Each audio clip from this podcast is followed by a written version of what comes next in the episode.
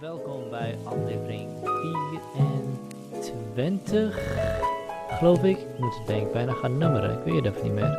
Ja, aflevering 24. Ehm, ten eerste even dank aan Dick Bos en Startup Nijmegen. Want eh, we hadden een specifieke locatie nodig voor deze opnames. Ehm, en eh, Dick Bos eh, heeft een ruimte bij Startup Nijmegen beschikbaar gesteld. Dus dat is heel fijn. Echt dank daarvoor, Dick. En mocht je een ondernemer zijn die een plekje nodig heeft in Nijmegen, dan zou ik zeker je aanraden om bij Startup Nijmegen eens te kijken. Natuurlijk ook bedankt aan alle supporters. dankzij jullie hebben we een betere microfoon, waardoor de kwaliteit ook gewoon verhoogd is. En um, dit gesprek met Lisa, Lisa Westveld van uh, GroenLinks, was een, uh, was een leuk gesprek. Het is ook iets anders dan normaal. Normaal gaan we meestal um, een onderwerp echt de diepte in. Maar dit gesprek was meer een soort van palet aan verschillende dingen waar, uh, waar Lisa, die Lisa tegenkomt in haar werk en waar ze rekening mee moet houden. En wat vaak ook tegenstrijdige dingen zijn waar ze rekening mee moet houden. Want um, de bereikbaarheid en transparantie van politici zijn, ja, het zijn wezenlijke eigenschappen voor een goed werkende democratie. Maar dat betekent ook dat je als politicus veel meer input moet verwerken dan je eigenlijk aan kan. En soms ook nog eens erg goed op je woorden moet letten om te zorgen dat niemand daar misbruik van maakt. En dat kan je werk, uh, dat, kan, dat kan je werk negatief uitpakken. Dus in het gesprek hebben we eigenlijk een beetje met Lisa gekeken, oké, nou hoe gaat zij nou daarmee om? En hoe gaat ze om met alle berichten die op haar afkomen, op niet alleen maar e-mail, maar social media uh, en dergelijke. Hoe gaat ze om met die noodzaak van een politicus om zowel transparant te zijn en uh, om je wel eens te kunnen terugtrekken, om in een veilige omgeving te kunnen onderzoeken? En, en hoe gaat ze om met strategische en ideologische samenwerking met andere politici? Want ja, je zit wel in je eigen partij, je bent wel oppositie, maar je hebt, als je een motie wil, wil kunnen, kunnen uh, als je daar succes mee wil bereiken, dan heb je echt wel alle andere partijen nodig. En soms sta je niet in één lijn met elkaar, en soms ook wel, maar hoe ga je daarmee om? En natuurlijk ben je ook een publiek figuur als politicus, en uh, dat heeft uiteindelijk ook gewoon enorm veel effect op je, op je werk. Dus het was een mooi gesprek. Het heeft mij in ieder geval een, eh, een inkijkje gegeven in, uh, in hoe in ieder geval Lisa en ik denk andere politici uh, met deze noodzakelijke tegenstrijdigheden omgaan. Dus veel kijkplezier. 1239 moet je dat gaan hebben. Oh, nou ja. Dat weet jij beter. Denk. Ja, bij mijn zuster heb je wel gemerkt, IT is daar heel strak in. Mm -hmm. is, alle Kamerleden hebben, nou, een, ik deel iets met nog een ander Kamerlid, ja. maar zij is echt... Vind je trouwens fijner om jezelf te zien of niet? Maakt me niet zoveel uit. Oké, okay, dan zet ik hem zo, ja. dan kan ik beter... Ja, maar wat jij fijn vindt. ja. Iets is de baas van jouw Iets is de baas van mijn agenda en dat is super fijn. Want daardoor, ja, zij zorgt gewoon voor dat alles op elkaar is aangesloten. En dat ik, ook als ik, stel ik ben een keer later omdat een kamerdebat uitloopt, dan regelt zij gewoon dat de rest ook weer gaat lopen in mijn agenda. Dus zij belt er mensen af enzovoort. Dus daarom laat ik dat soort dingen altijd aan haar over. Want als ik me er ook nog eens mee ga bemoeien en eigen afspraken tussendoor plan, ja, dan weet zij natuurlijk niet precies wat ik heb afgesproken. Ja. Dus zij doet gewoon alle agenda dingen. Super fijn is. ja. ja ik kan me wel voorstellen dat je ook gewoon heel vaak dingen moet veranderen. En uh, dat er, gewoon, er komen gewoon belangrijke dingen op. Want we hadden het eigenlijk al een tijd eerder gepland, maar er kan wat tussen. En dat is ook logisch, want... Worden ongelooflijk vaak worden de afspraken verzet. En ook vaak op de dag zelf nog. En dat heeft ermee te maken dat de Kameragenda... Ik kan dat ook straks vertellen hoor, ik weet niet of je dit... Dat de, onze Kameragenda, die is eigenlijk het belangrijkste. Dus als mhm. ik een Kamerdebat heb, dan gaat dat voor, klaar, punt. Uh, alleen wij weten pas op de donderdagavond wat het schema is van de plenaire zaal. Mm. En soms verandert het ook nog wel eens wat en van hoe ver van, tevoren, hoeveel, van hoe ver van tevoren weet je het? Donderdagavond, ja, maar dus van de week tot, erop. Van de week erop, oké. Ja. En ook wel eens, bijvoorbeeld, ik had woensdag een debat over leraren. En toen is besloten dat er donderdag een plenaire voortzetting zou komen om half twaalf. Dus toen moest ik donderdagochtend, moesten nog, ja, tussen woensdag 6 uur en donderdagochtend moesten alle afspraken uit mijn agenda, voor die donderdagochtend in ieder geval. En moesten wij ook nog een motie schrijven, want we wilden een paar voorstellen doen. En nou ja, liep dat ook nog donderdagochtend uit, waardoor nou ja, ik eigenlijk blij was dat we tot één uur maar mijn agenda hadden leeggeveegd. Want eigenlijk zou dat Ja. half twaalf gepland werden, worden, maar het werd kwart over twaalf. Nou ja, dan, dan ben je dus... Ja. Ja, dan, dan, en dat is niet leuk voor mensen die een afspraak met je hebben. Iets had meteen gelukkig op woensdagavond al mensen het laten weten. Maar dat is wel iets waar je helemaal niks aan kunt doen. Want zo loopt het gewoon. Dit, komt eigenlijk, dit brengt me eigenlijk meteen bij de tweede vraag die ik, die ik je wilde stellen. Maar Ja. laten we dan gewoon Ja. daarmee Ja, beginnen. dat is goed. Eh, want ja, je hebt enorm veel afspraken. Je hebt enorm veel afspraken met verschillende soorten partijen. Je hebt mensen die, zoals ik je, die willen interviewen. Je hebt eh, afspraken met andere politici. Je hebt afspraken met, eh, met het ministerie. Je hebt afspraken voor de dingen die je echt wil veranderen. En je hebt ook nog eens afspraken met je achterban, met mensen waar je naar moet luisteren, die je, eh, eh, eh, wiens, wiens feedback heel belangrijk is voor jou natuurlijk. Ehm, hoop ik tenminste. Mhm. Ehm, en daarvoor heb je mensen nodig die je agenda weten. Dat is gewoon belangrijk. Ehm, tegelijkertijd ben je dus ook enorm, veel bereik, enorm bereikbaar voor iedereen. Eigenlijk een, hele, een van de dingen die me de afgelopen jaar af, opgevallen is, dat, is dat je, je kan eigenlijk gewoon iedereen mailen. Ja. Iedereen in de wereld kun je mailen. Dus je hebt gewoon geen barrières tot het bereiken van de mensen die je wil bereiken. Als je een mail kan sturen met een goed verhaal en een belangrijke reden voor je contact, dan kom je er wel. Ja. Eh, dat maakt jullie dus enorm bereikbaar, ook nog eens naast alle andere dingen wat ik net zei. Ehm, hoe heeft dat effect op jouw werk? Ja, je moet een goede afstemming zien te vinden. Want wat ik merk is, mensen mailen niet alleen. En je krijgt ongelooflijk veel e-mails.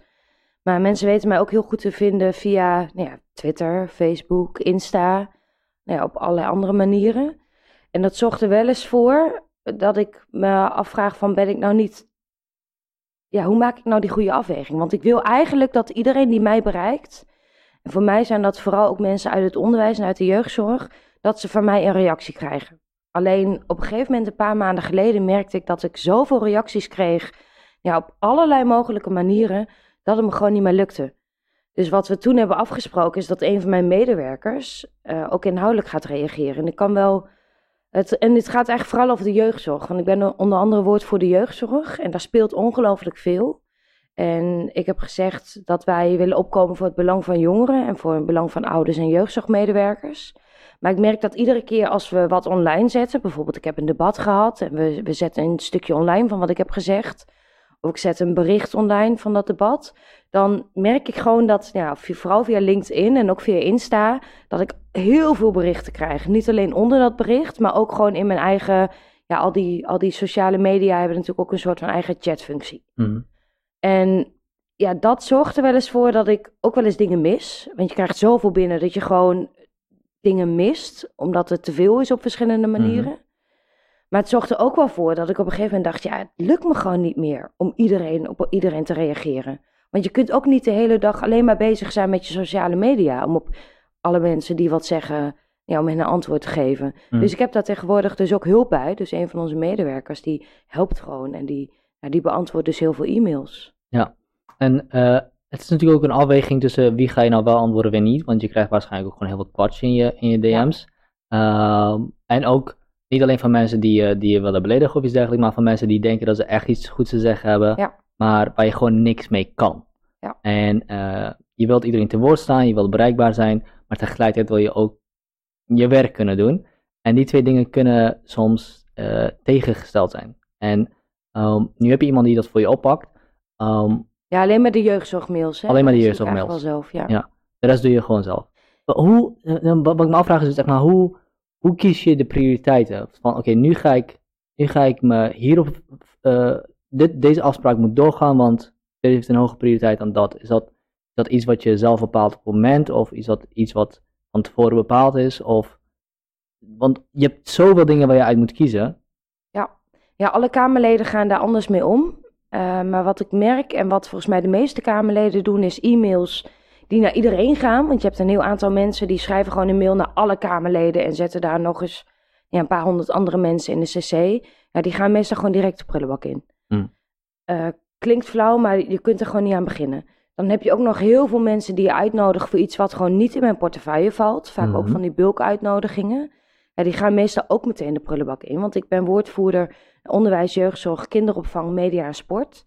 Nou, als ik word uitgenodigd voor een ander evenement, ja, dan ga ik daar gewoon niet naartoe. Want ik heb al mijn handen vol in mijn eigen portefeuilles. Dus die gaan meestal ook meteen de prullenbak in.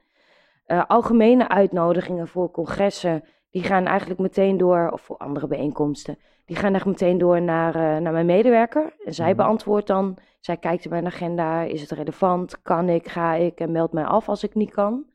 En dan heb je ook nog inderdaad heel wat mensen die je iets willen meegeven voor een debat.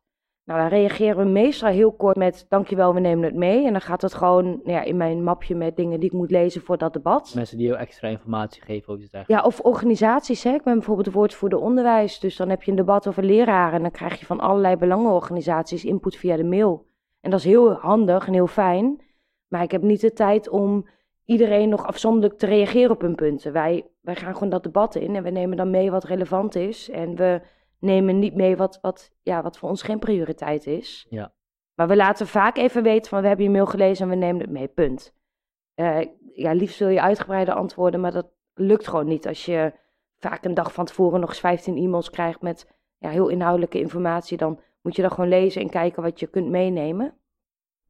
En, eh, en waarom, waarom wij voor jeugdzorg iemand hebben die mij helpt, is omdat we merken dat op, via, op, ja, op het onderwerp jeugdzorg komen vaak hele lange e-mails binnen met vaak hele schrijnende verhalen. Hmm. En dan willen we ook heel graag die mensen een beetje helpen. Maar ik heb gewoon geen tijd.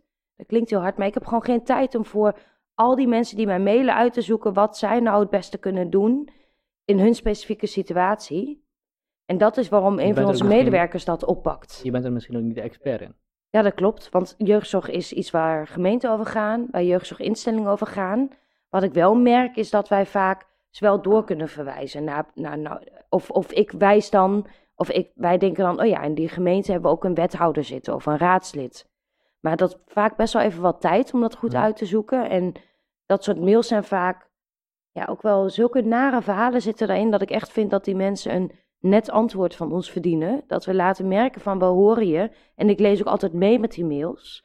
Maar dat is dus wel een van onze medewerkers die dan even de tijd neemt om hen wat uitgebreider Ja. te reageren. Het is tegelijkertijd ook wel, eh, wel, ik weet niet of dat speciaal is trouwens, dat jij, die, dat jij zoveel mails krijgt. Ja, voor jeugdzorg wel. Ja, Ja. wel. Dus Ja. dat, dat, dan is het wel mooi dat mensen dus eh, blijkbaar genoeg vertrouwen in jou hebben, dat ze hun verhaal met je willen delen en je, en je hulp willen vragen. Dus dat betekent dat je wel wat dingen raakt en zo.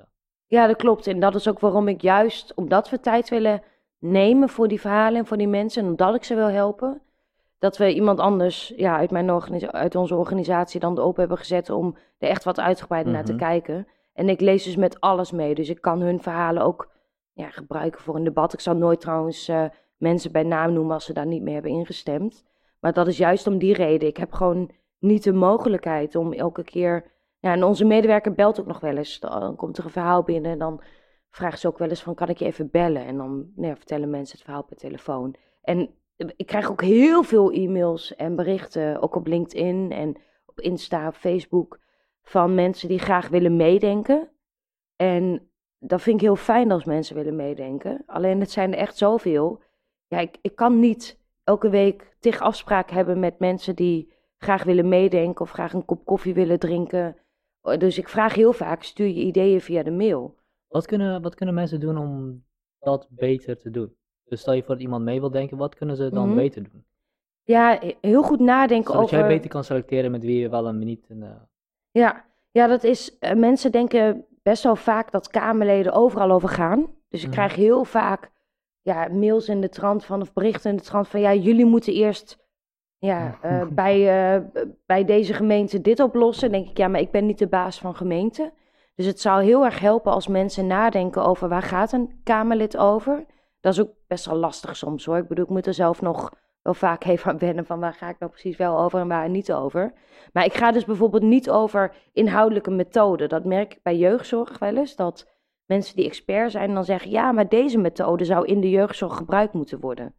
Ik weet niks van methodes. hmm. Want ik ben helemaal geen expert op het gebied van inhoudelijke methodes als het gaat om jeugdzorg en behandelplannen. Ik ga wel over ja, wet en regelgeving. En ik ga wel over budgetten die gaan naar de jeugdzorg. En ik ga wel over naar de minister aanspreken op een heel aantal dingen die niet goed gaan of juist wel goed gaan.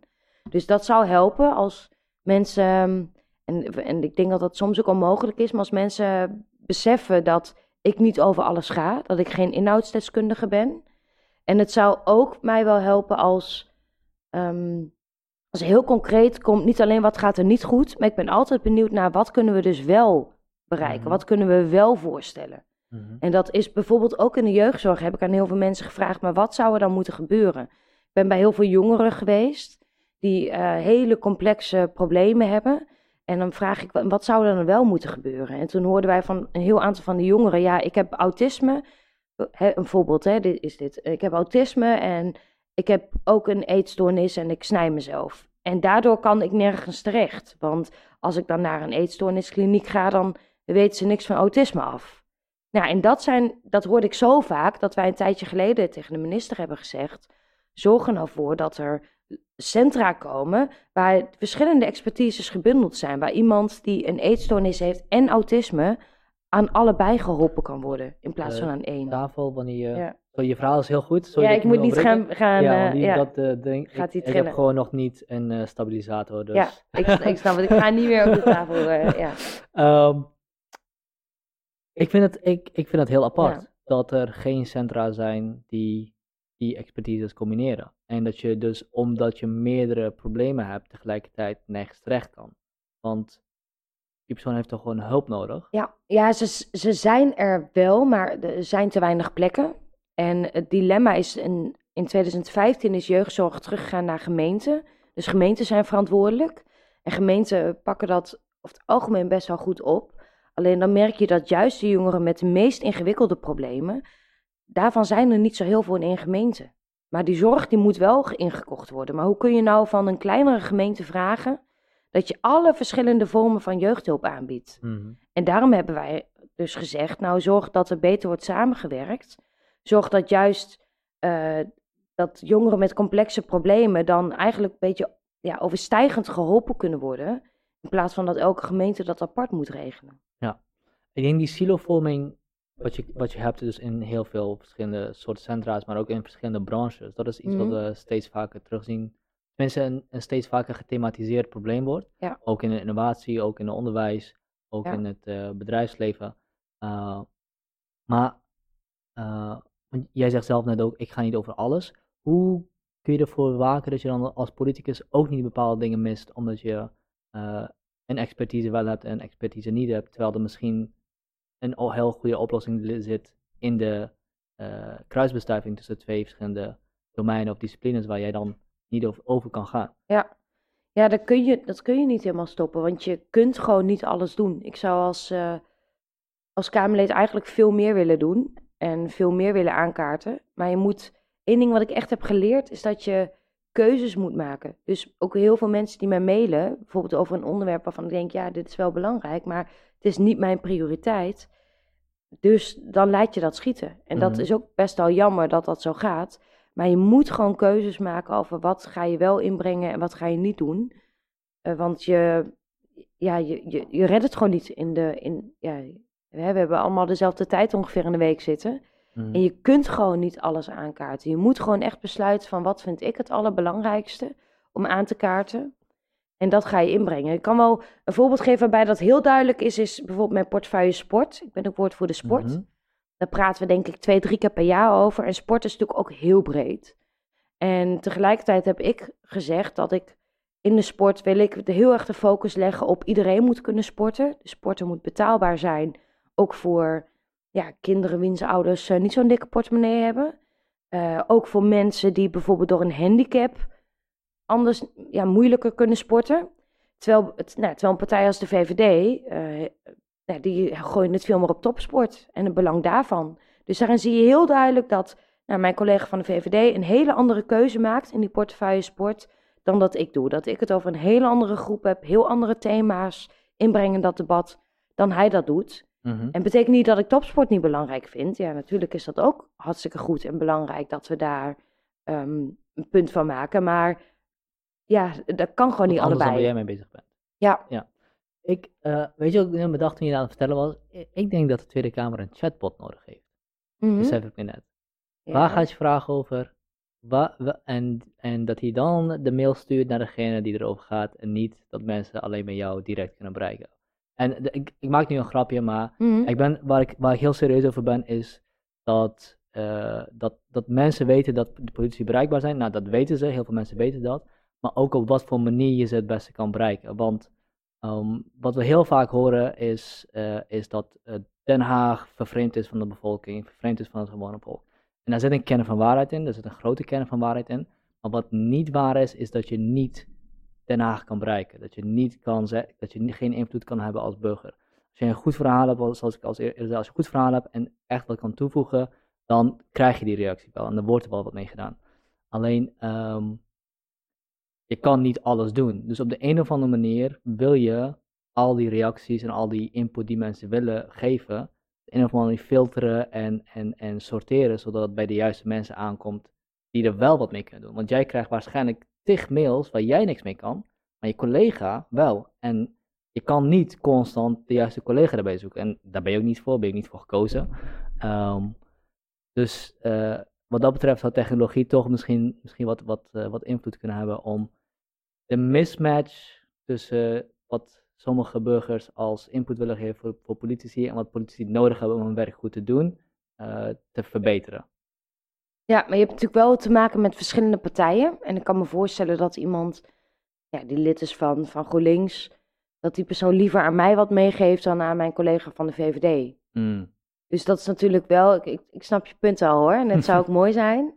Um, en het, maar ik, ik, kan me ook voorstellen dat, dat soms dan vraag ik me ook wel eens af van zouden mensen niet zelf ook even iets, iets, soms even iets beter kunnen kijken van wie gaat daarover? Want ik krijg dus ook best wel vaak e-mails die over hele andere dingen gaan. En dan denk ik, ja, kijk gewoon even op onze website wie over welk onderwerp het woord voert. En dan wist je dat je mijn collega had moeten hebben. Ja.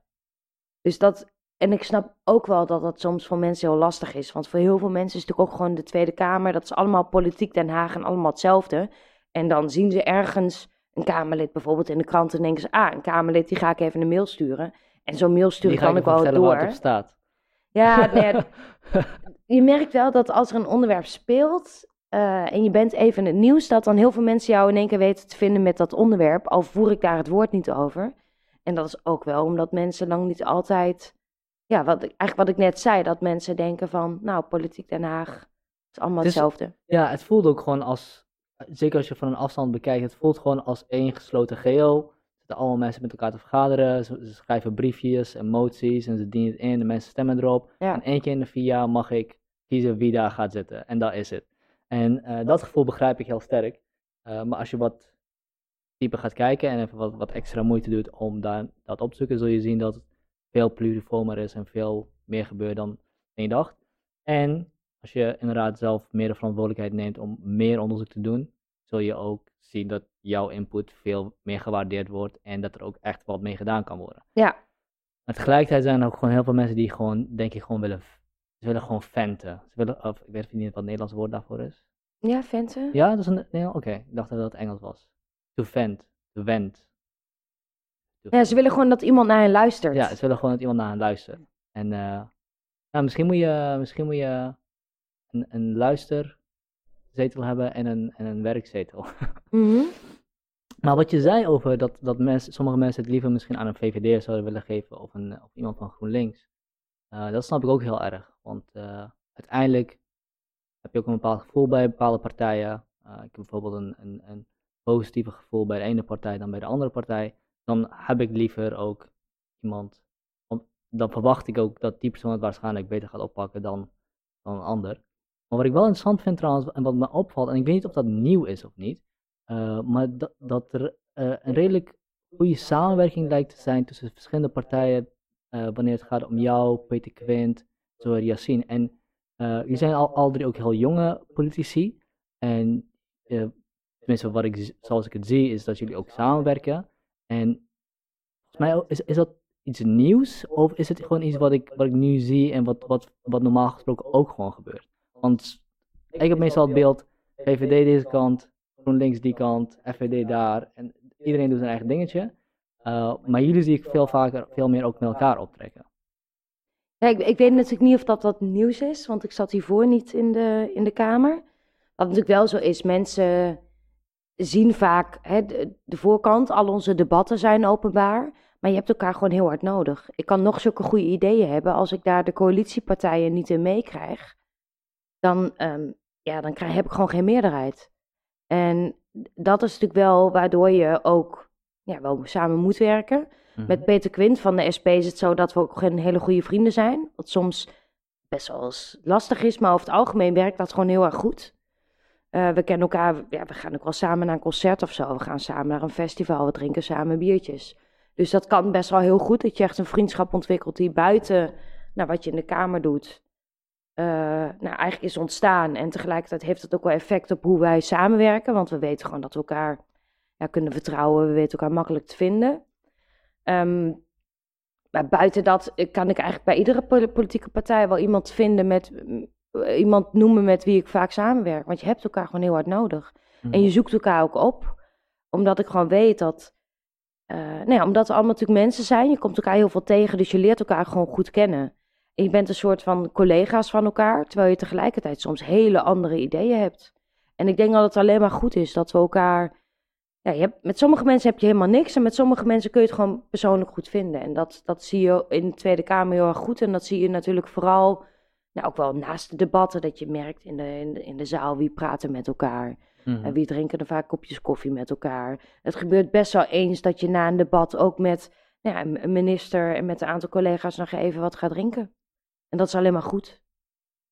Hebben jullie ook de, de, de, de praatjes bij het koffiezetapparaat? Want dat is altijd zeg maar een Ja, thema in, in. Zeker, ja.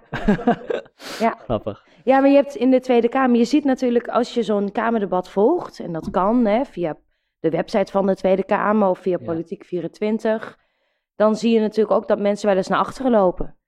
Bij grote debatten, maar ook wel eens bij de kleinere debatten. En dat is omdat je soms even iets moet afstemmen. Stel, ik wil een, een motie indienen, dus een, een motie is een voorstel, wil ik doen.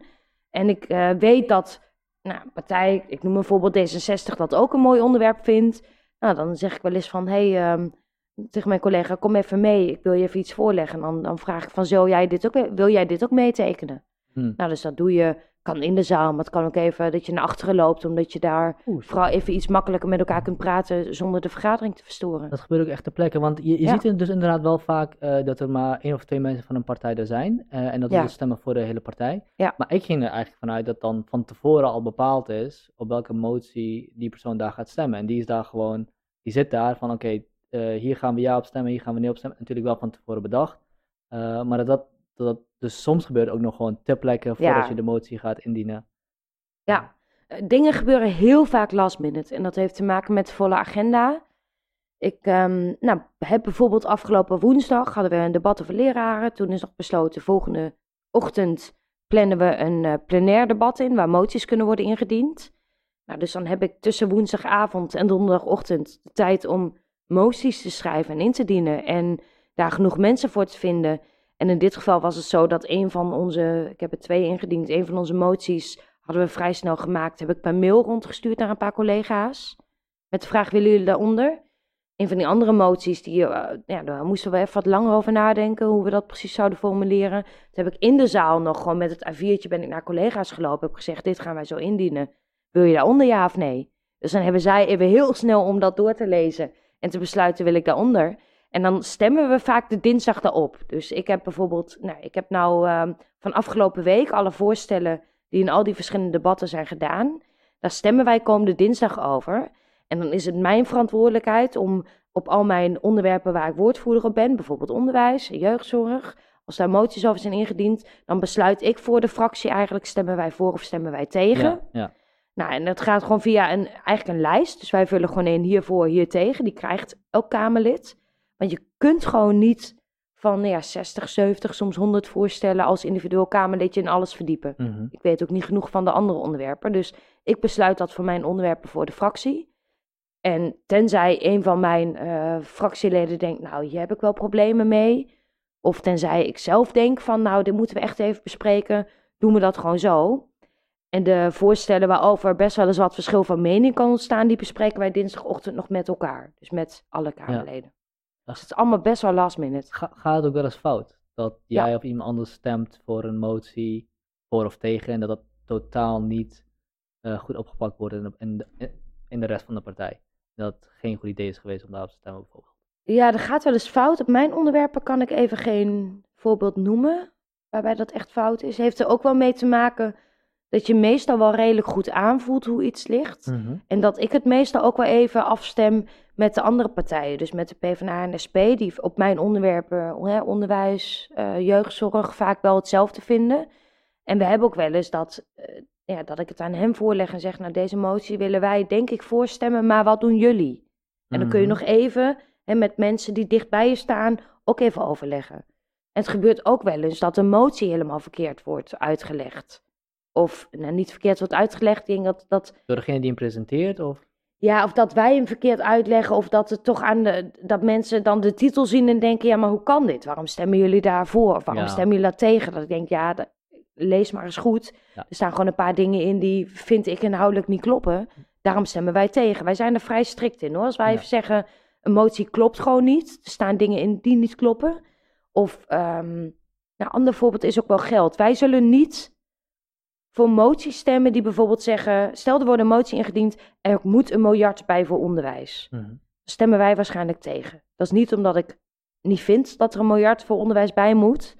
Maar dat is omdat je, ja, omdat je dat wel gewoon goed financieel moet regelen. Mhm. Omdat wij dan zeggen, ja, je kunt niet zomaar... Ik kan ook heel makkelijk allerlei moties schrijven en zeggen... nou, 3 miljoen voor dit, zoveel miljoen voor dat. Wij hebben binnen onze fractie best wel duidelijke afspraken over... als jij vindt dat ergens geld naartoe moet...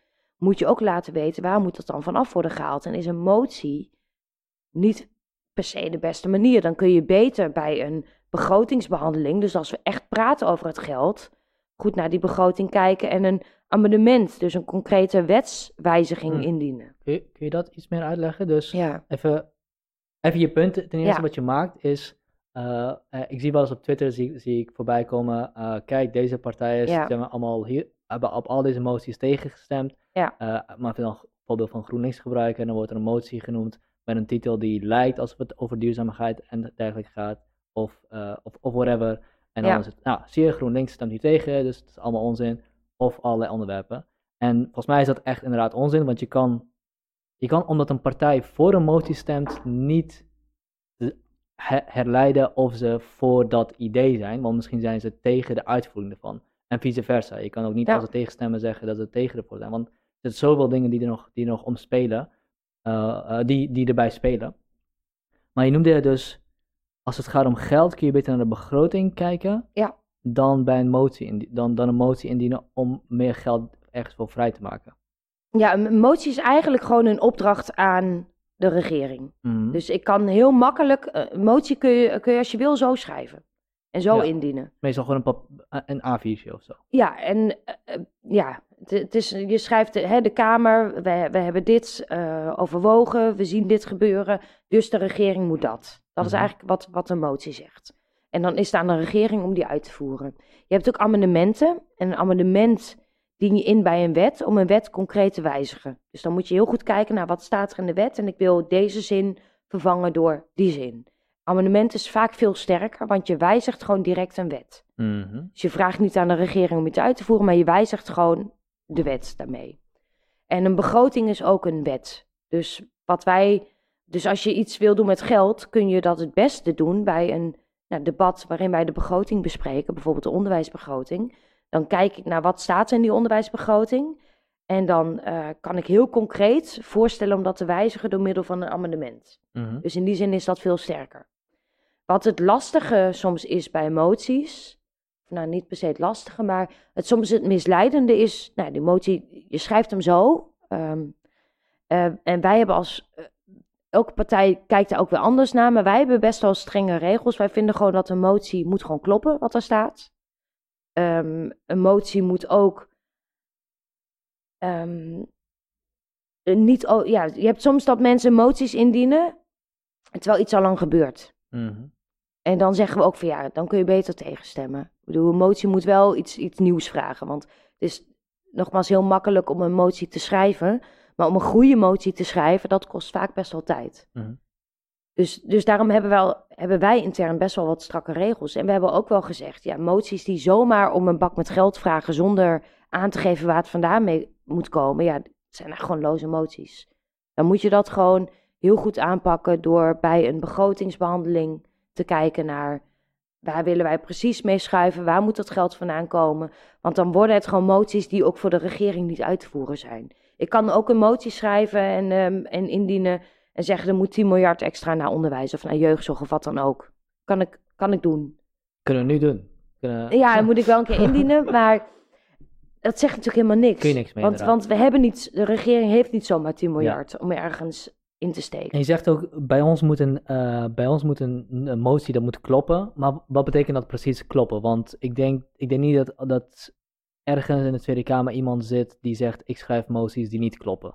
Eh, ik denk dat iedereen Ja. wel iets wil Ja, schrijven dat, dat, dat, dat goed is en klopt. Tenzij je een spel aan het spelen bent of whatever, dat zal vast ook wel gebeuren. Eh, maar ik denk dat, dus wat betekent kloppen in dit geval? Ja, je hebt natuurlijk gewoon dat verschillende partijen ook wel anders tegen onderwerpen aankijken. Ehm, en ja, m- misschien als, als voorbeeld, ik heb laatst, hebben Nou ja, wij, iets kan natuurlijk moreel kloppen. En ik denk, dat ben ik met je ja, eens. of cijfermatig Of cijfermatig. kloppen. Ja, dat is, dat is feitelijk. Eh, en en ja, het feitelijke, daar, daar kun je het over eens zijn. Dat klopt of dat klopt niet. Ja. Eh, moreel gezien is iets waar je het mee eens bent of oneens bent.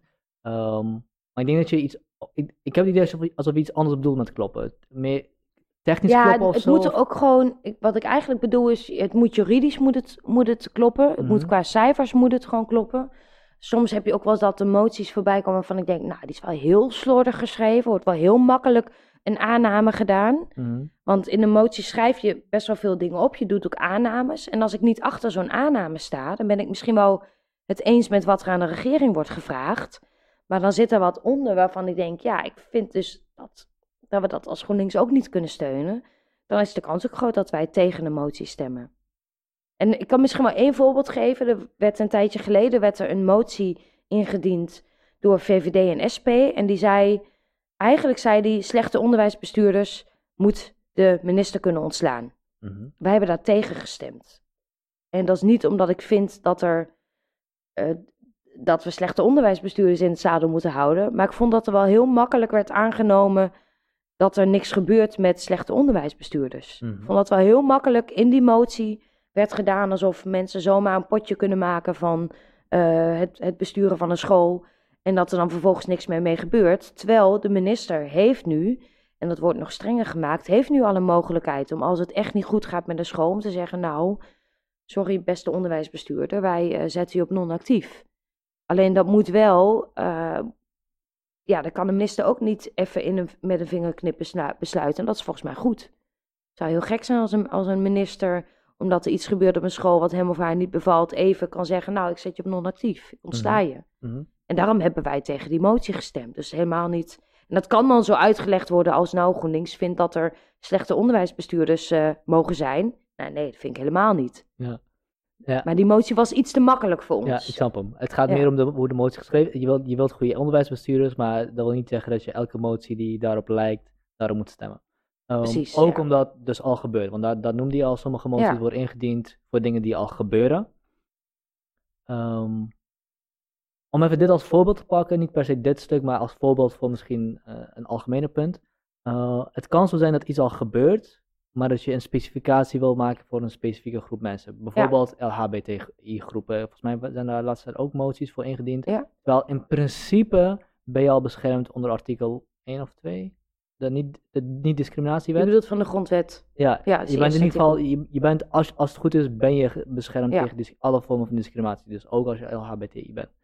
Ehm, maar toch kun je dat, en ik zeg niet dat ik het eens ben met die motie ja of nee, maar toch kun je, je kunt het wel doen, omdat je het verder wil specifieren, omdat die specifieke situatie voor die specifieke groep dat nodig heeft.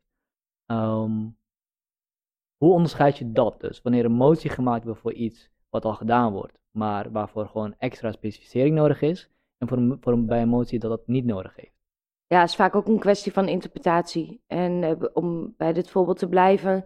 Kijk, scholen moeten ook voorlichting geven over seksuele diversiteit. Dat staat in de kerndoelen. Dus, in, dus, dus scholen moeten dat in principe doen. De manier waarop is aan scholen zelf. Mhm. En dan krijg ik en een aantal andere wat meer progressievere partijen krijgen best wel vaak signalen binnen dat het niet goed op scholen gebeurt. Dus er is ook een tijdje geleden een motie aangenomen of ingediend die ook vroeg van zorg er nou echt voor dat dit op scholen gebeurt. Dat er aandacht komt voor seksuele diversiteit. Dat de school van welke kleur, grondslag dan ook dit gewoon moet doen. En dan zegt de minister, in dit geval wel, zoiets van ja, maar het, het, al, want het staat al in de kerndoelen. Maar ja, Mhm. als wij signalen krijgen dat het niet gebeurt, wil je soms toch zo'n motie steunen die zegt: dit mag wel eens wat beter Mhm. uitgevoerd worden. Dus dat is ook gewoon een kwestie van interpretatie en ook gewoon.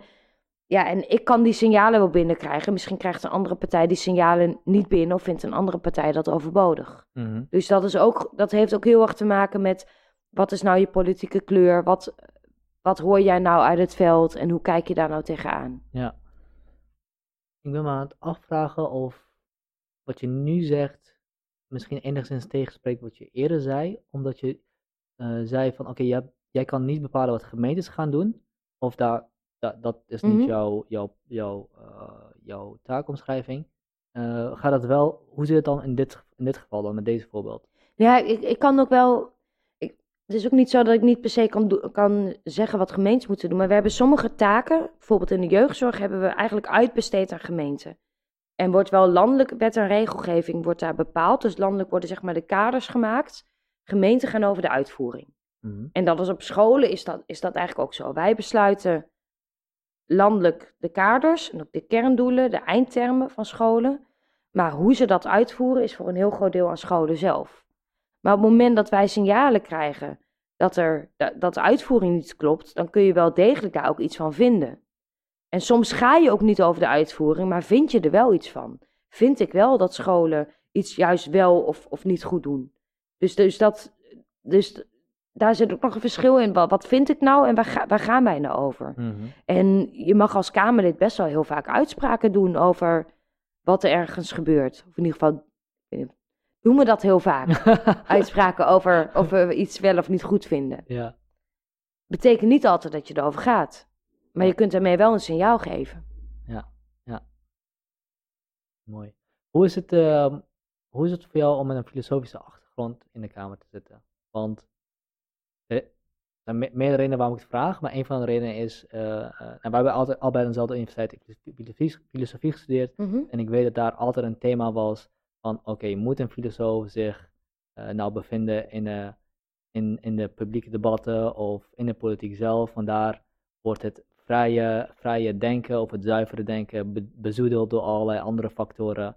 Van eh, je moet eerst mensen overtuigen of je moet lobbyen voor je zaak of allerlei andere omheen. Waardoor je dus niet meer je filosofische eh, zuiverheid eh, kan, eh, en, en voor de mensen die gaan luisteren, ik doe het tussen aanhalingstekens, kan, eh, kan uitoefenen.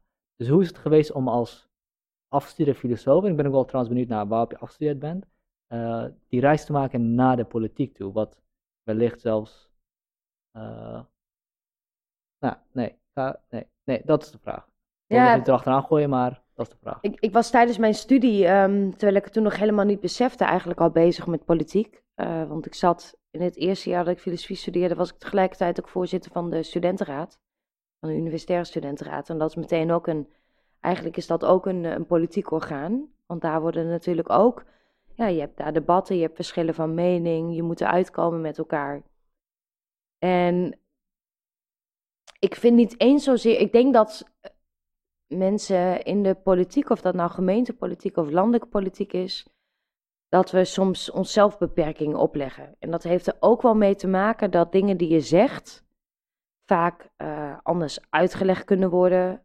Ook wel vaak ehm, eh, van alle kanten bekritiseerd moeten worden. Maar eigenlijk is dat natuurlijk gewoon onderdeel van het vrije debat. Dat je kritiek krijgt op wat je zegt. Dat je soms ook bijval krijgt op wat je zegt. Dat je er met elkaar uit probeert te komen. Dus ik vind het eigenlijk ik vind het heel goed dat je juist met een filosofische achtergrond ook in de politiek terechtkomt. En ik merk nog dat ik een aantal andere ja, voordelen heb. Echt een aantal dingen die, die ik heel erg van mijn studie heb geleerd. Die mij bijblijven en in dat politieke debat. Dat heeft er onder andere mee, eh, mee te maken dat ik, je hebt heel erg leer je als, als filosoof om door teksten heen te kijken. Door te kijken, wat is nou de essentie van deze tekst? Wat staat hier nu en wat wordt ermee bedoeld? En hoe kan ik het op de ene manier uitleggen, maar ook op de andere manier uitleggen? Heb ik ontzettend veel aan, want wij moeten natuurlijk heel erg veel lezen voor politieke debatten. Heel erg veel door teksten heen kijken. Door, nou, als ik iemand anders een betoog hoor houden, dan moet ik daar soms doorheen kunnen prikken van wat bedoelt deze persoon nou? Krijg je ontzettend mee in je studie. Wat, je ook in, wat ik ook in mijn studie heel erg heb meegekregen, is hoe je met verschillende mm, eigenlijk met verschillende brillen kunt kijken naar een onderwerp. Mhm. Hoe, een, hoe ik soms een onderwerp heel anders aanvlieg dan mijn collega van de VVD of van de PVV. Gewoon omdat zij hele andere, een hele andere achtergrond hebben, met hele andere ogen naar iets kijken. En dat bepaalt natuurlijk ook, de, ja, ook, ook soms de uitkomst. En soms vinden we allebei hetzelfde, maar wel om een hele andere reden. En dat maakt, daar heb ik in mijn studie ontzettend veel baat bij gehad. Dat je leert dat er niet één manier is om naar de wereld of naar een vraagstuk te kijken, maar heel veel verschillende manieren zijn. En wat je natuurlijk ook heel erg leert is ja, kijken naar, nou ja, naar een bepaalde manier van redenvoering. Hè, wat, Mhm. wat zegt iemand nou? Wat bedoelt iemand nou? Wat is nu een drogreden? Dat leer je ook heel erg bij filosofie. En dat heb je ook nodig in het eh, politieke debat. En ik zou soms wel willen, want dat leer je bij filosofie natuurlijk ook, dat je twijfel mag hebben, dat je moet luisteren naar elkaar, eh, dat het soms goed is om je mening bij te stellen of aan te scherpen. En dat mis ik heel vaak in het politieke Hmm. debat. Dat vaak het politieke debat eh, is te vaak, vind ik, de uitkomst al bepaald. En is er te weinig ruimte om ook terug te kunnen komen op een mening. Want dat wordt meteen gezien als iets wat. het draaien wordt vaak in de politiek gezien als iets wat negatief is. Terwijl ik denk, ja, het is toch juist goed als een politieke partij na een debat. of misschien na een jaar of na een paar jaar zegt. Nou, we hebben toen die keuze gemaakt. En we zien nu dat we dat niet hadden moeten doen. Ik zou dat heel goed vinden dat dat vaker zou gebeuren in de politiek. Want ook daar worden, nou ja, ik schetste net al soms de tijdsdruk waar je onder zit. Ook wij nemen soms besluiten die achteraf heel anders uitpakken dan dat ze zijn bedacht. Ja. Laten we alsjeblieft elkaar de ruimte geven om daarop terug te komen. En ook ja, beslissingen die anders, zijn, die anders hebben uitgepakt om te zeggen, nou hadden we gewoon niet moeten doen zo. Het gebeurt wel, alleen wanneer, wanneer je er niet meer onderuit kan. En eh, eh, wanneer je er niet meer uit onderuit kan, wanneer echt de verliezen zichtbaar zijn en je moet gaan repenten, Mhm. eh, dan gebeurt het wel. En wanneer het ook, wat, het vaak, wat ik het idee heb dat gebeurt, maar dit kan ik niet, dit is een, dit is een aanname die ik maak, is dat dan, het ga, dat, het, dat dan de partij losgemaakt wordt van de persoon die die fout gemaakt heeft. En die persoon heeft een fout gemaakt, die treedt af of whatever. En de partij gaat door zoals die was. Of na heel veel jaren van we zijn van koers veranderd en dergelijke. Dus op die manier gebeurt het wel. Maar dat echt toegeven van hey, ik heb een fout gemaakt of wij hebben een fout gemaakt, dat mis je inderdaad. Dat, mensen, dat, dat zie ik niet gebeuren. En jij bevestigt dat nu. En, eh, Omdat het negatief ook wordt gezien, hè? omdat Dan draait een Ja. partij. En dat is over het algemeen is dat geen, geen positieve kwalificatie. En ik vraag me, en ik ben het ermee eens, want je bent, uiteindelijk ben je ook een spel aan het spelen. Eh, eh, je, je, je, moet, je moet een aantal zetels hebben om te kunnen doen wat je belangrijk vindt. Dus dat, dat, dat strategische spel is heel belangrijk. En ik vraag me soms af of totale eerlijkheid wellicht in deze tijd meer zou opleveren dan, eh, dan, dan de situatie die je nu beschrijft. Ja, ehm, misschien moet ik daar nog één ding trouwens aan toevoegen aan wat ik net zei. Ja? Ehm, het is natuurlijk ook zo dat je in de politiek besluiten neemt over, over de toekomst. En soms dan lijkt iets op papier helemaal goed uit te pakken. En zie je een paar jaar later in praktijk dat het anders uitpakte dan je had bedacht van tevoren. Mhm. En dat is natuurlijk ook zoiets, dan moet je dan ook kunnen aangeven van hé, we hebben iets bedacht. In de praktijk zien we dat het anders uitpakt. En dat is ook, zou ik zeggen, inherent aan politiek. Want je kunt niet altijd voorspellen hoe jouw beslissingen gaan uitpakken. Mhm. Dus dan, dus dan dat kan ook gewoon niet. Ik denk ook gewoon dat ehm, er zit, per definitie zit er altijd een, ehm, een aspect in besluiten die je neemt, dat je nooit precies weet hoe dat in de praktijk gaat zijn. Of dat er nieuwe ontwikkelingen zijn of andere, nou ja, andere, beleid, nou ja, andere besluiten die weer eh, ja, Je- je- je- doen dat, ja. dat, iets, dat iets toch in de praktijk anders Ja, werkt. je werkt in zo'n complex systeem dat het onmogelijk is om de effecten van je handelen te, te voorspellen. Eh, en ook nog eens omdat je, eh, de effecten van je handelen zijn ook afhankelijk van dingen die buiten jouw vakgebied gebeuren, buiten Nederland gebeuren. Dus het is, het is, zoals je al zei, inherent aan de politiek of aan wat je ook doet, dat je, actie, je handelingen neemt op de informatie die je hebt, die ook nog eens beperkt is, want je kan niet alle informatie hebben, en dat de wereld blijft veranderen. Dus Ja. het is logisch bijna dat een groot deel van de beslissingen die je neemt anders uitpakken dan je gehoopt had. En, en over je punt van eerlijkheid. Volgens mij is het best wel zo dat over het algemeen ehm, we heel eerlijk zijn. Ehm, nee, dat zeg ik verkeerd. Wat ik bedoel is dat er heel veel transparantie is. Alle debatten die we hebben zijn in principe openbaar. Mhm. Ik heb heel zelden gehad dat we een besloten bijeenkomst hadden. En dat was dan vaak omdat we over een heel moeilijk onderwerp praten. Bijvoorbeeld binnenkort heb ik een gesprek met slachtoffers van eh, misbruik. Nou, Mhm. dat doen we in de beslotenheid, zodat ze wat opener hun verhaal naar ons kunnen vertellen. Dat is niet om ons te beschermen, maar dat is om die slachtoffers wat meer ja, de, de bes- beslotenheid te bieden. en, Mhm. en te voorkomen dat, er, ja, dat, dat de, de rest van de wereld kan meeluisteren met wat, zij, met wat zij zeggen. Wat wel zo is, is dat ehm, wij overleggen ook met onze fractie apart in een, in een besloten deel. Dan Ja. hebben wij de discussies over welke kant we opgaan, welke speerpunten wij hebben enzovoort. En dan komen we uiteindelijk naar buiten met één standpunt, want wij zijn één fractie. En op het moment dat je dat niet doet, dan heb je heel snel dat het beeld wordt gecreëerd als, als kijk eens, eh, er is verdeeldheid in de partij. Terwijl ik denk dat juist ook zo'n goede interne discussie, dat draagt alleen maar bij aan veel betere meningsvorming, veel betere besluitvorming, veel scherper op een rij zetten wat zijn nou de voor's en tegens. Maar dat zijn wel zaken die wij ehm, met de fractie en de medewerkers en, eh, enzovoort doen, zonder dat, er, zonder dat we daar nou een camera op zetten. Ja. Om, omdat je juist, ja, omdat, dat, omdat we dan toch, ja, omdat het er gewoon voor zorgt dat we, dat je dan wat opener dat gesprek met elkaar kunt Ja. voeren. Eh, Ik denk ook, ik denk dat er, ik denk dat het ook alleen maar goed is dat je je soms terug kan trekken en in de privacy van de veiligheid van je eigen partij alles kan vertellen en zeggen wat je wil zeggen. En misschien ook harder tegen je, tegen je uiteindelijk standpunten kan zijn dan, eh, dan van tevoren. Zo word je ook sterker. En tegelijkertijd, kijk, in de politiek zit je ook in een soort van Hobbesiaanse situatie waar, Ja. eh, waar iedereen alles kan doen om je te pakken. Eh, en je kan, ook niet ervan, je kan ook niet zeker ervan zijn dat het niet gaat gebeuren. Ook als het niet door je collega's in de Tweede Kamer gebeurt, eh, zijn er altijd mensen die, die in een negatief daglicht willen plaatsen. Dus ergens heb je die bescherming nodig om je terug te trekken en ook als een eenheid weer te kunnen, te kunnen, te kunnen opereren. Maar wat me wel dwars zit, en ik weet niet hoe ik dat moet evalueren, wat me wel dwars zit, is dat de coalitieakkoorden in het torentje gemaakt worden.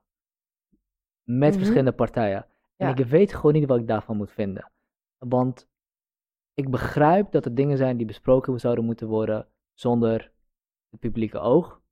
Dat, ik denk dat dat evident is. Maar tegelijkertijd wordt daar wel, worden daar wel beslissingen gemaakt die misschien wel de belangrijkste beslissingen zijn voor het land. Ja. Eh, nou, daar ga je denk ik natuurlijk niet, natuurlijk niet over, maar ja, weet niet, ik weet niet wat ik daarvan moet vinden. Ik ben, gewoon heel, ik ben vooral heel erg benieuwd naar wat voor gesprekken daar plaatsvinden. Vinden daar nog steeds gesprekken plaats eh, over, over wat we zouden moeten doen, over waarden en fundamentele eh, eh, overtuigingen? Of worden gesprekken, ge- worden, daar, worden daar veel Machiavelliaanse gesprekken, ge- veel meer Machiavelliaanse gesprekken gevoerd die je niet kan voeren in het publieke oog, die ook belangrijk zijn om te voeren. Maar goed, Ik ben er nooit bij geweest. je bent er nooit dus, bij eh, geweest, dus ja. nee. dat- maar dat is gewoon iets waar, waar ik zat te bedenken. Dus ik denk dat het heel goed is als je als partij terug kan trekken. Maar ik weet niet of ik er eens mee in ben dat je als, dat je als verschillende partijen je terug kan trekken. Ja, ik snap je punt. Ja. Je zou eigenlijk willen dat er nog meer in alle openheid, eh, dat, dat helemaal duidelijk is hoe je tot een bepaalde afweging komt. Ik weet niet of ik dat wil.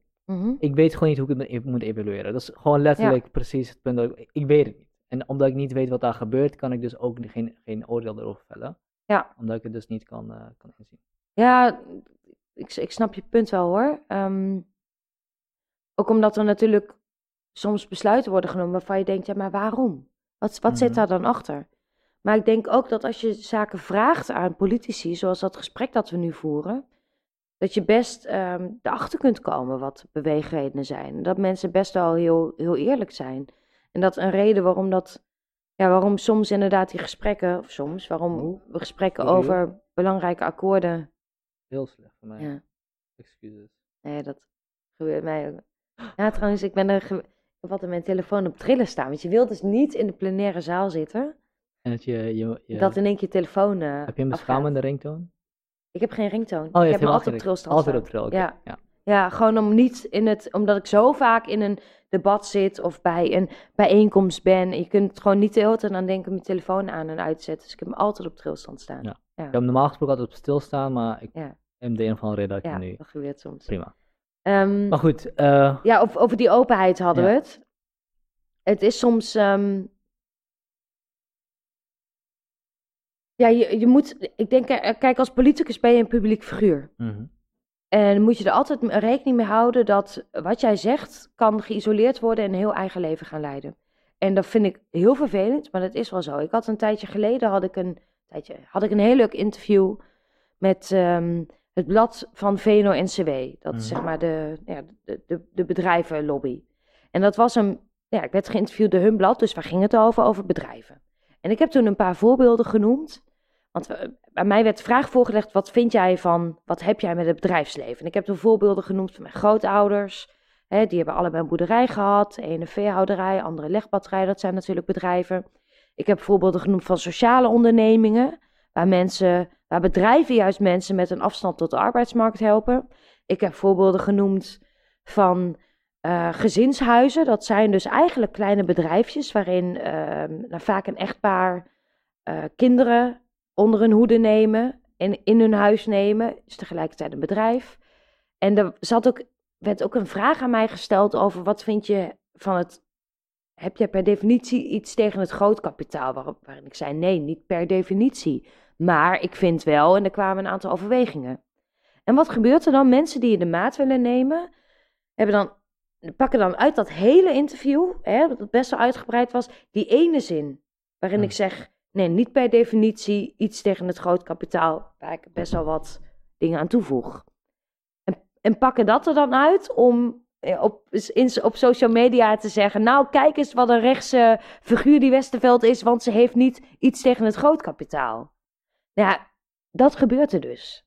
En dat vind ik heel vervelend dat Ja. dat gebeurt. Dat je op zo'n manier dus wordt weggezet als rechts. En als eh, zie je wel die bedrijvenlobby bij GroenLinks en neoliberalisme enzovoort. Terwijl ik dat hele interview het alleen maar heb gehad over hele mooie sociale voorbeelden van bedrijven.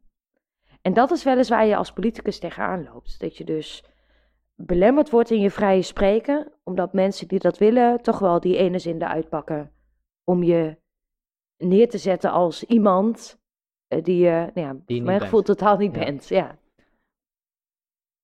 helemaal met je eens. En eh, ehm, een van de dingen die ik wel vaker besproken heb, ik weet niet of ik op deze podcast besproken heb, maar is dat je in de media steeds meer gedwongen wordt om in one-liners te spreken, want je wilt het beste vertellen wat je te vertellen hebt. Eh, en je hebt maar kort tijd en, en bla bla bla bla. Eh, maar er is nog een ander probleem, dat met social media eh, niet alleen maar, je niet alleen maar bang moet, moet zijn voor, voor de media, de boze grote media, Mhm. eh, dat die je eh eh, misquoten, maar dat andere mensen een interview die wel goed vertelt waar jij het over had, gaan misquoten en plaatsen en het viral kan gaan en bla bla Ja. bla. Dus je hebt nog een dubbele, dubbele ang- waar je- d- een dubbel iets waar je bang voor moet, voor moet zijn. Maar misschien ben ik nu, ga ik nu iets te veel mieren neuken. Nou, niet, niet per se bang hoor, maar wat, wat ik gewoon heb geleerd is mensen vinden, zonder dat ze je kennen, vinden ze heel snel iets van je. Hmm. Omdat je van GroenLinks bent. Heel veel mensen hebben een mening over mij, terwijl ze me helemaal niet kennen en alleen maar af en toe dingen in de media over mij lezen. Of vinden iets van mij na, nadat ze één interview ergens hebben Hmm. gelezen. Ja. Dat is best wel interessant om, eh, om, om dat te beseffen, hoeveel mensen een mening over je hebben, terwijl ze je nog nooit hebben ontmoet of naar je hebben geluisterd of hun... Nou ja, Laat je niet kisten door de haters, eh, Lisa. ja, maar het is, het is best wel interessant om, dus om, daar, om, om dat te... Ja, ik besef, dat, Ja. ik besef dat steeds meer. Eh, het lijkt me ook heel gek inderdaad. Eh, want je wordt steeds bekender, mensen zien je steeds vaker en iedereen heeft een mening over je, zeker. En iedereen heeft ook niet alleen een mening over jou, maar heeft een mening over de partij waar je bij zit. Ja. Eh, dus de mening over die partij wordt over, op, over jou, Ja. over jou hoe noem je dat, geprojecteerd. En je wordt ook nog eens door mensen die denken dat je niet de juiste mening hebt voor je partij, beticht van, van rechtsextremisme. Of, ik weet niet of je rechtsextremist bes- bestempeld wordt, maar wel rechts. Ehm, maar of je belemmerd wordt in je vrije spreken daarin. Ik weet niet of, je, of, of dat de juiste verwoording is. Belemmerd in je vrije spreken. Natuurlijk word je wel verbasterd, misplaatst en, eh, en, en onheus bejegend dus. Ehm, maar je kan nog steeds zeggen wat je wil. Maar bedoel je meer dat je dus zelf meer gaat uitkijken over wat je zegt? Ja, soms weeg je je woorden heel erg goed. En dat heeft ook met debatten in de plenaire zaal of in een andere zaal.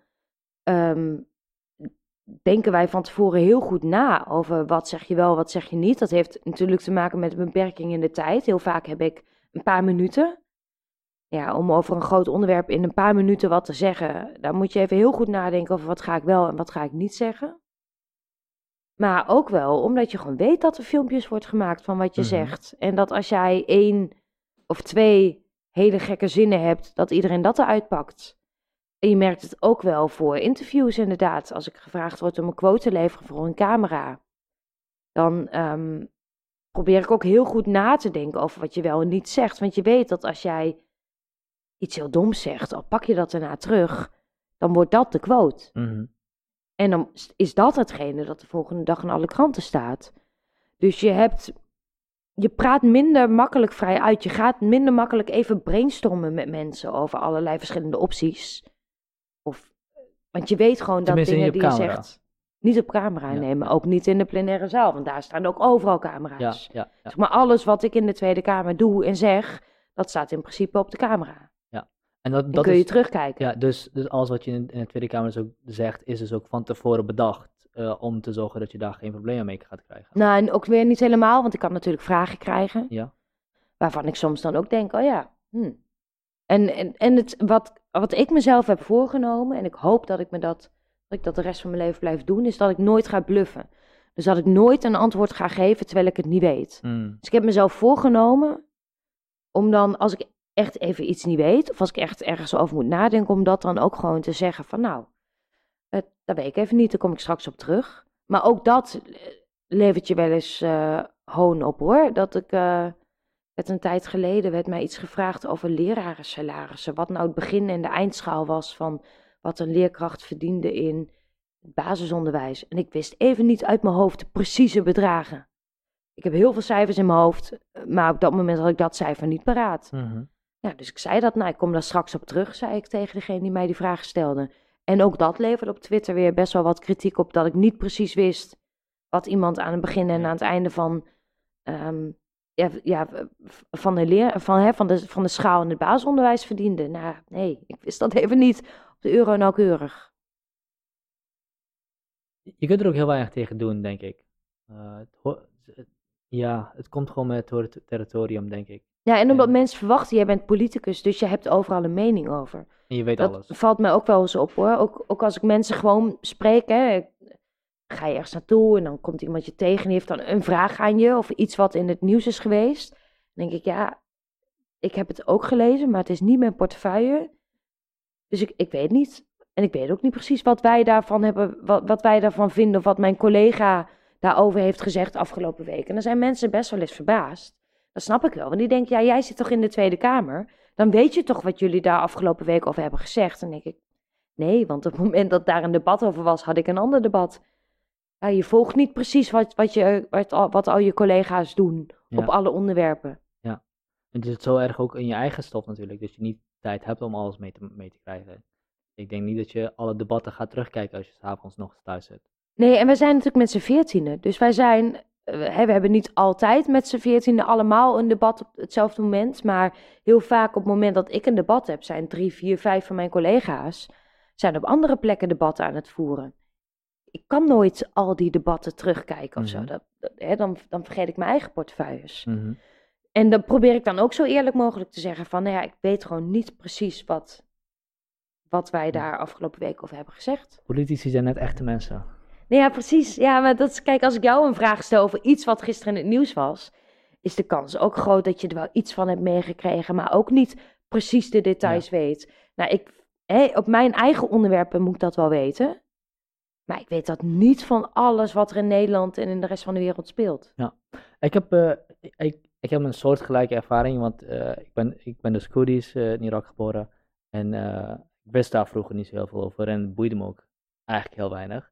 En als ik dan mensen ontmoette en die zeiden van, nou, Koerdistan, ah, jullie hebben het wel zwaar, hè? Ik dacht, "Mm, ja, ja, weet ik, maar dat is ook alles wat ik weet. En Ja, komen er allemaal vragen en denk van ja, ik heb echt geen idee waar het op gaat. Alleen maar omdat ik daaruit kom. weet Ik, ik weet echt niks Ja. van politiek en dat soort dingen. Ja, Tenminste, toen wist ik het nog niet.